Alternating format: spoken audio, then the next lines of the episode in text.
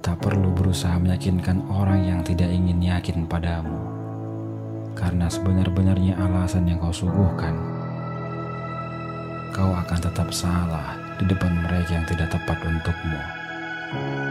Seberapa sakit kau terluka, tak perlu memelas perhatian dan tak perlu mengajak orang lain untuk membenci mereka yang melukai.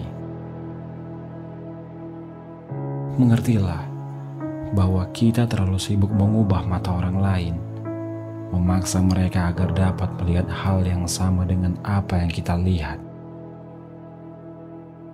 Kita terlalu banyak berbicara agar mereka dapat paham dan mengerti sesuatu, sebagaimana kita ingin begitu dimengerti. Lalu, semua kebenaran yang kita anggap agung bisa membawa kita pada sebuah kesalahan aksi kita tidak cukup jika hanya berpikir benar.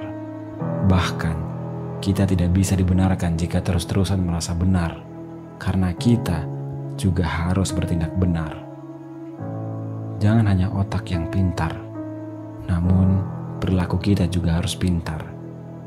Hanya karena luka kita tak dapat dipahami orang lain, tak serta-merta perilaku egois kita yang diakibatkan kekecewaan seolah harus dapat dimaklumkan bersembunyi di balik tameng pembelaan. Jangan biarkan hati yang terluka memberi izin pada ego untuk balas melukai. Jangan, jangan karena luka ini hebat, membuatmu dikuasai dendam yang juga hebat. Kini kau terluka dan hancur, dan membenci sang pelaku. Saat esok kau hebat dan bijak, kau masih saja membencinya. Tidakkah kau malu